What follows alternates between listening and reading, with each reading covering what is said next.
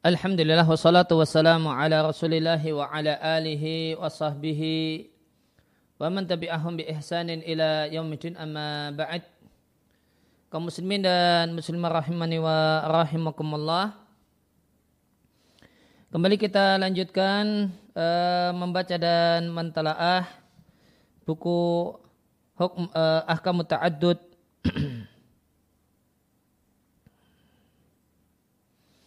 fi Da'il Kitab Sunnah karya Ihsan Al-Utaibi hafizallahu taala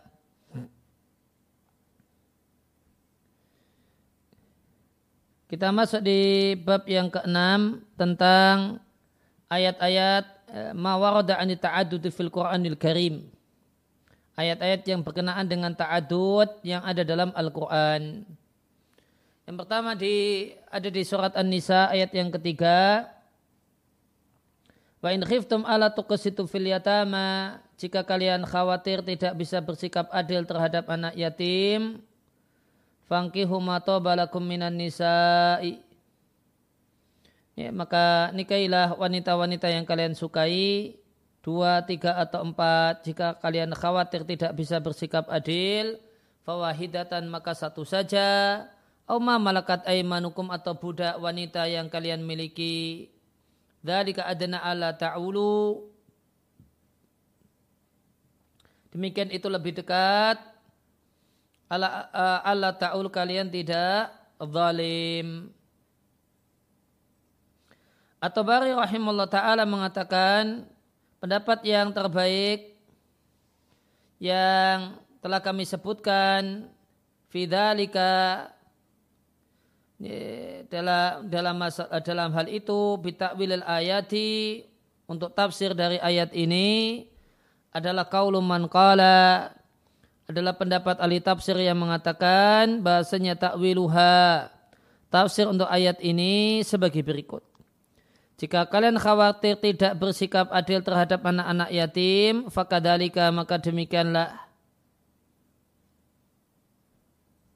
Kali uh, khafu fil nisa'i.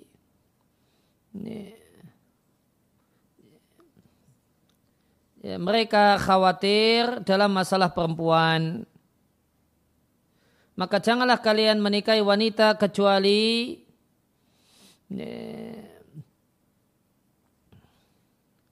ya, wanita dalam bilangan yang kalian tidak khawatir berbuat zalim dalam bilangan tersebut yaitu satu istri, dua, tiga atau empat istri.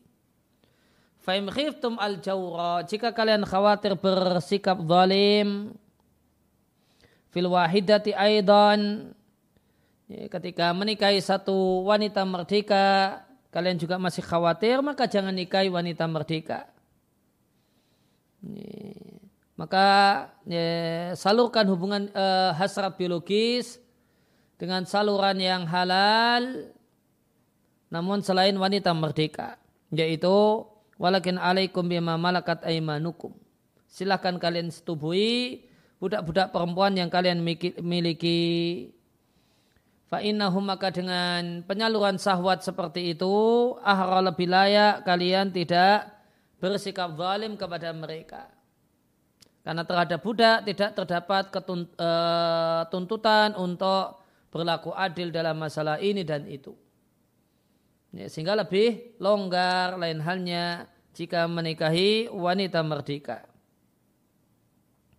Hanyalah kami katakan bahasanya tafsiran itu adalah yang paling utama sebagai tafsir untuk ayat karena Allah Jalla Thana'uhu iftatahal ayat membuka ayat alati qablaha sebelumnya dengan larangan memakan harta anak yatim tanpa alasan dan mencampur harta anak yatim dengan harta yang lainnya.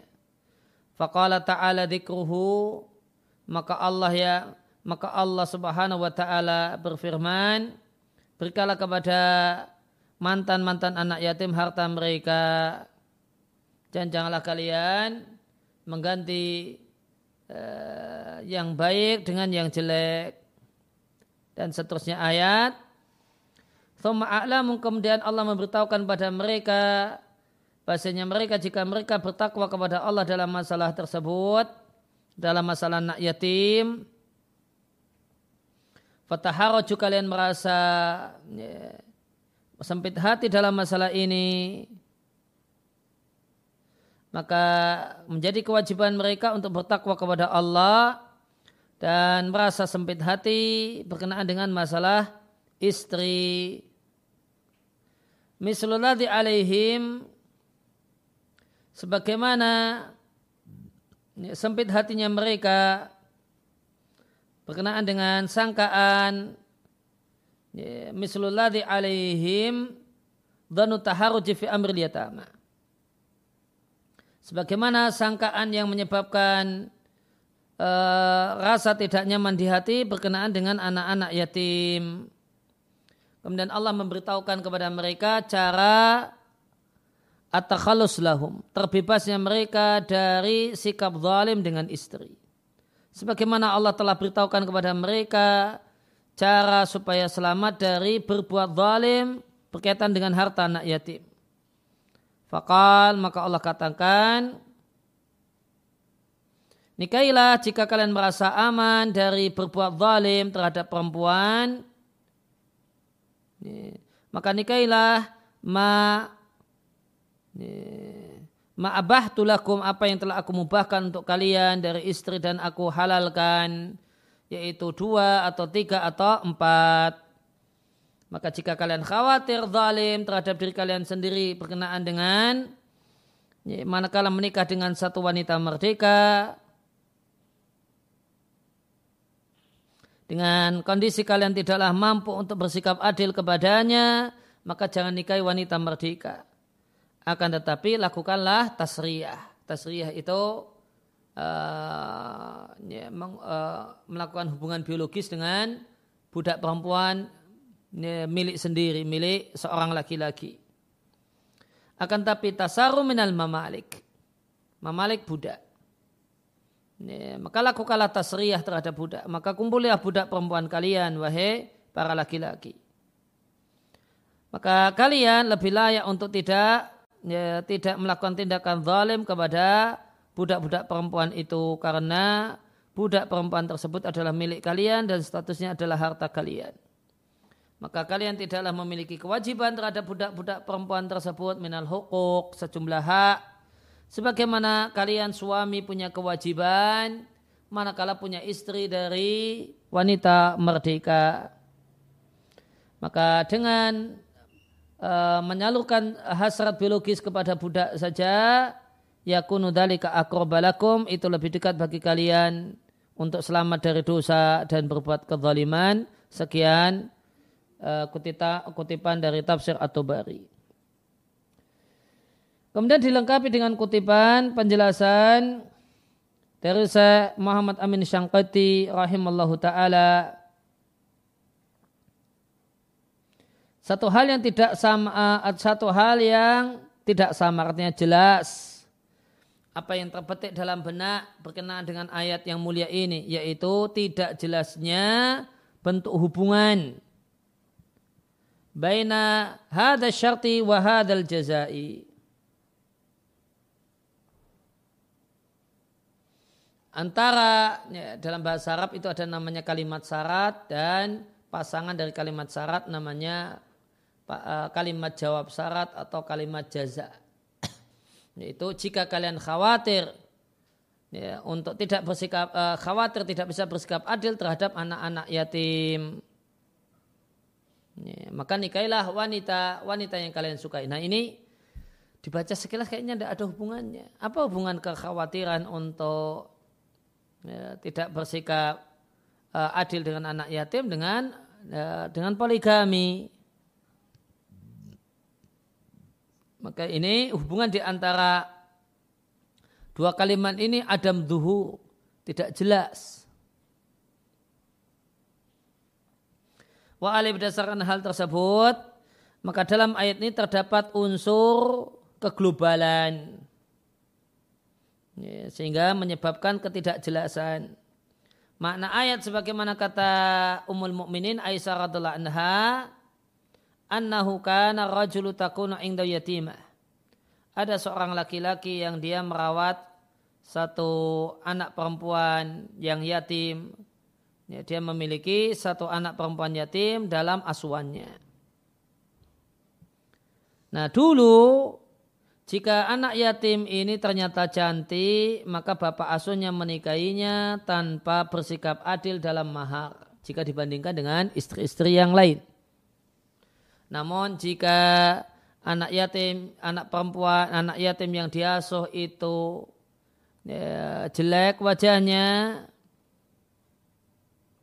maka dia tidak ingin menikahinya dan dia namun di sisi yang lain dia halangi wanita tersebut untuk nikah dengan lelaki yang lainnya.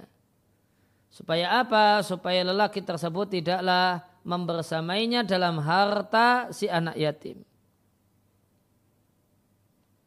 Maka mereka dilarang untuk menikahi anak yatim kecuali sepakat untuk bersikap adil dengan anak yatim. wa yublu bihinna a'la sunnatihinna fi sodak dan memberikan kepada anak yatim yang diperistri angka yang tertinggi kebiasaan yang paling tinggi dalam masalah mahar terhadap istri. Wa umiru lantas mereka diperintahkan untuk menikahi ya matobalahum minan nisa'i wanita yang mereka inginkan.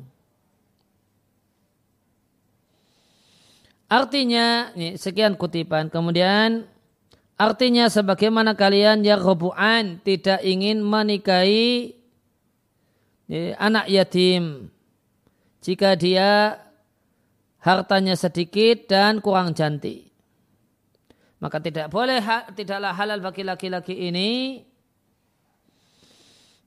untuk menikahi anak yatim yang dia asuh jika anak yatim tersebut memiliki banyak harta dan cantik, kecuali dengan kesediaan untuk bersikap adil kepada ya, kepada anak yatim tersebut dan menunaikan hak-haknya secara utuh tanpa dikurangi. Nah, inilah makna ayat yang menjadi pendapat Ummul Mukminin Aisyah radhiallahu taala anha. Dan makna ini dijelaskan dan didukung oleh firman Allah taala mereka meminta fatwa kepadamu tentang wanita, katakanlah Allah memberikan fatwa kepada kalian tentang wanita dan apa yang dibacakan pada kalian. Fil kitab dalam kitab suci tentang yataman nisa'i. Tentang ya, perempuan-perempuan yang berstatus yatim yang kalian berikan padanya. Makutibalahunna apa yang mahar yang diwajibkan padanya. Dan kalian berminat untuk menikahinya. Kata Ibunda Aisyah radhiallahu anha yang dimaksud dengan mayitlah alaikum fil kitab apa yang dibacakan pada kalian dalam kitab suci adalah firman Allah Ta'ala jika kalian khawatir tidak bisa bersikap adil tentang anak-anak yatim.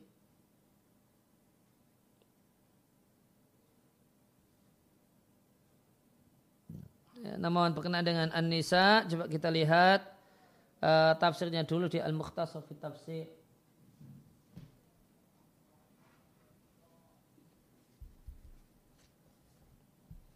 An-Nisa ayat yang ke-127.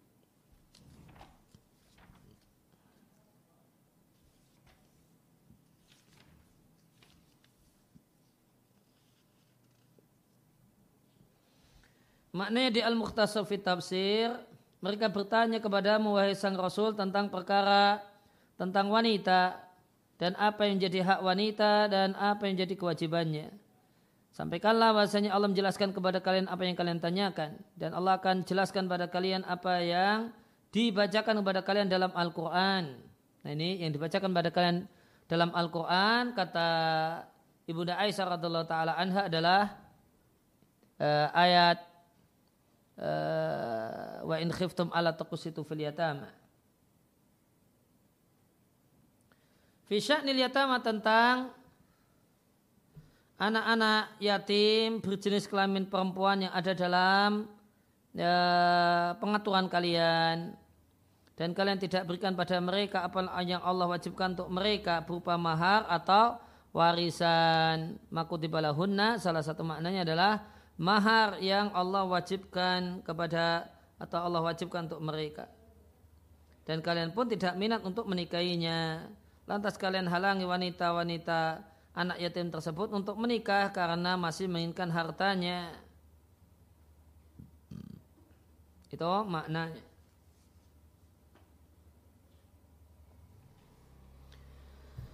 Ya, kemudian di paragraf terakhir, fatabayyana maka jelaslah annaha bahasanya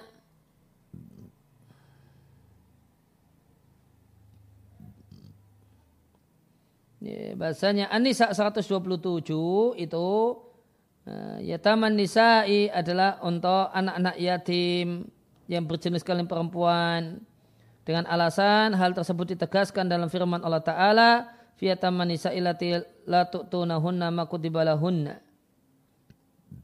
Atau fatabayana maka jelaslah annaha bahasanya anisa ayat yang ketiga itu tentang yataman nisa'i anak-anak yatim yang berjenis kelamin perempuan.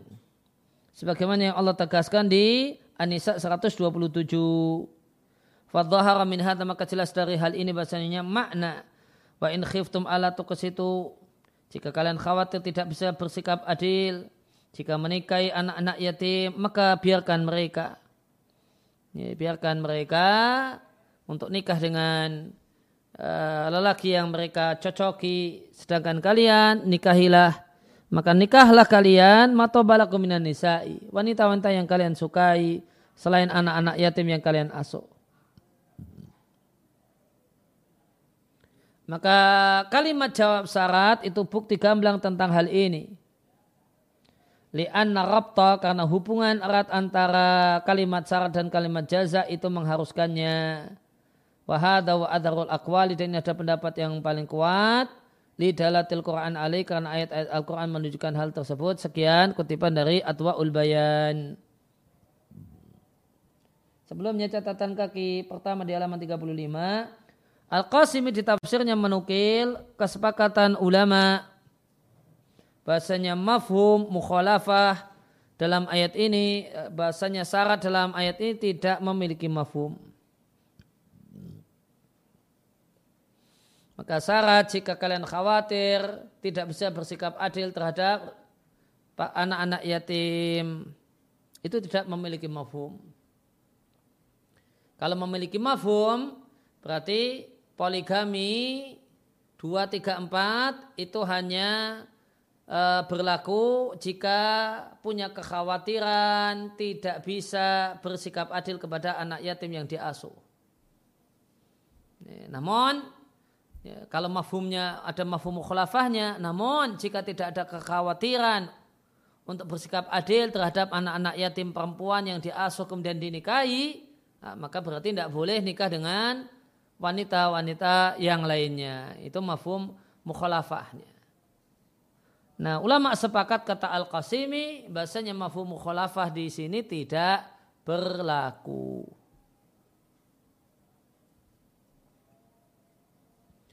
Nah, kemudian kenapa Allah Ta'ala mengatakan mato balakum nisa'i padahal e, ma itu untuk sesuatu yang tidak berakal sedangkan ayat ini ditujukan lil aqil untuk orang yang berakal.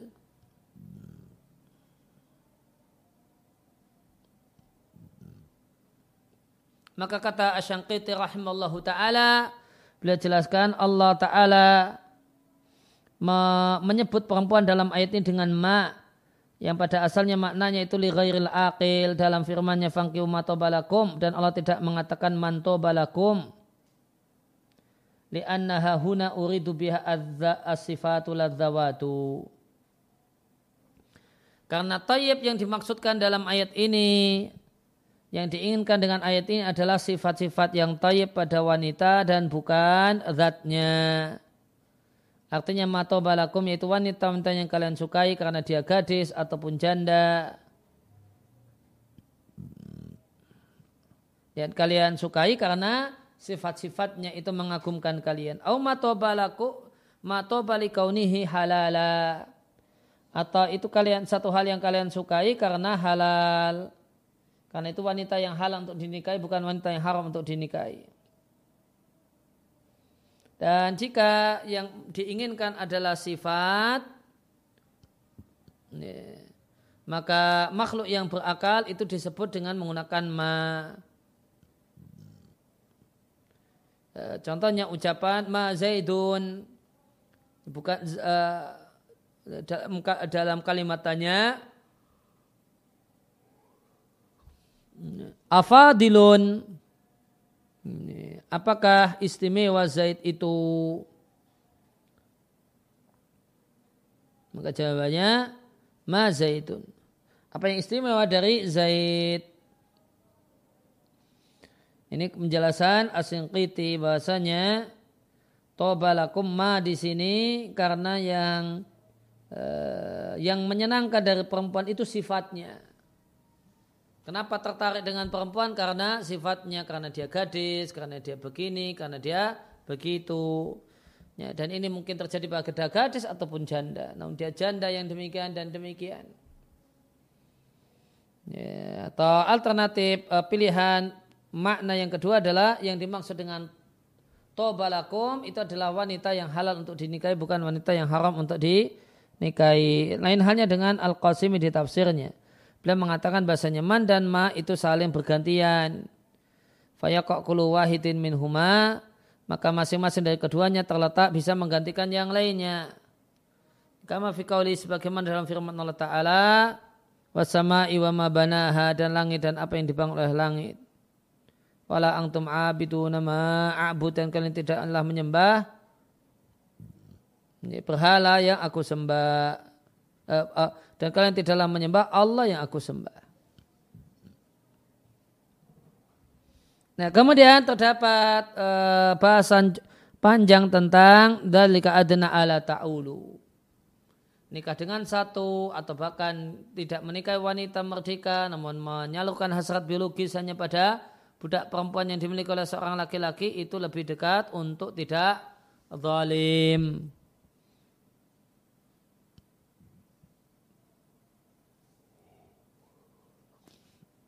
Kata Syekhul Islam Taimiyah rahimahullah taala ketika menjelaskan ayat ini ya supaya kalian tidak zalim dalam pembagian hari demikian yang disampaikan oleh salaf dan mayoritas para ulama dan sejumlah ulama berprasangka bahasa yang dimaksudkan yaitu alimah Syafi'i dari keadaan ala ta'ulu kalau menurut alimah Syafi'i supaya anak kalian tidak banyak. Wakala kemudian mereka mengatakan sehingga ayat ini dalil wajibnya menafkahi istri. Nah tentang hal ini Ibn Taimiyah mengatakan Mayoritas para ulama menyalahkan orang yang berkata demikian yaitu Alimah Syafi'i dari sisi redaksi ataupun dari sisi pesan. Adapun dari sisi redaksi maka kalau kalimatnya ala ya'ulu itu artinya cara kezaliman. Sedangkan ala ya'ilu nah itu maknanya iftakara miskin. A'ala yu'ilu itu artinya kasura yalu anaknya banyak. Maka Allah katakan Allah ta'ulu bukan Allah ta'ilu. Maka ini menunjukkan kalau ala ya'ulu artinya zalim. Wa amal makna adapun makna ayat maka banyaknya menafkahi dan banyaknya anak itu juga bisa terwujud pakai tasari mengumpuli budak perempuan sebagaimana terwujud dengan menikahi beberapa istri dari kalangan wanita merdeka. Wa ma'ahada meskipun demikian, Allah bolehkan bagi laki-laki menyetubuhi budak perempuan yang dia miliki. Masya al insan sebanyak apa pun yang diinginkan oleh seseorang birai adadin tanpa angka maksimal tertentu. Karena budak perempuan itu tidak memiliki hak untuk mendapatkan giliran malam. Demikian juga mereka tidak punya hak e, menuntut kepada tuannya untuk mengumpulinya. Lain hanya kalau menikahi wanita merdeka atau beberapa wanita merdeka. Maka si suami punya kewajiban bersikap adil di antara istri-istrinya dalam pembagian hari.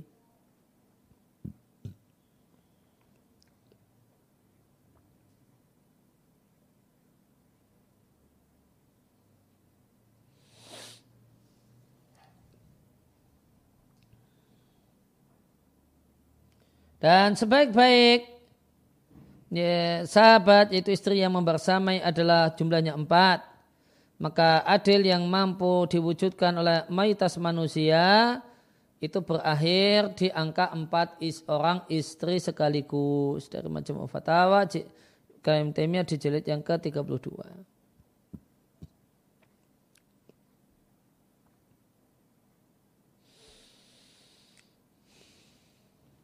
Ya demikian kurang lebih yang kita baca uh, dalam kesempatan siang hari ini ala nabiyina Muhammadin wa ala alihi wasallam wa akhiru da'wana alhamdulillahi rabbil alamin.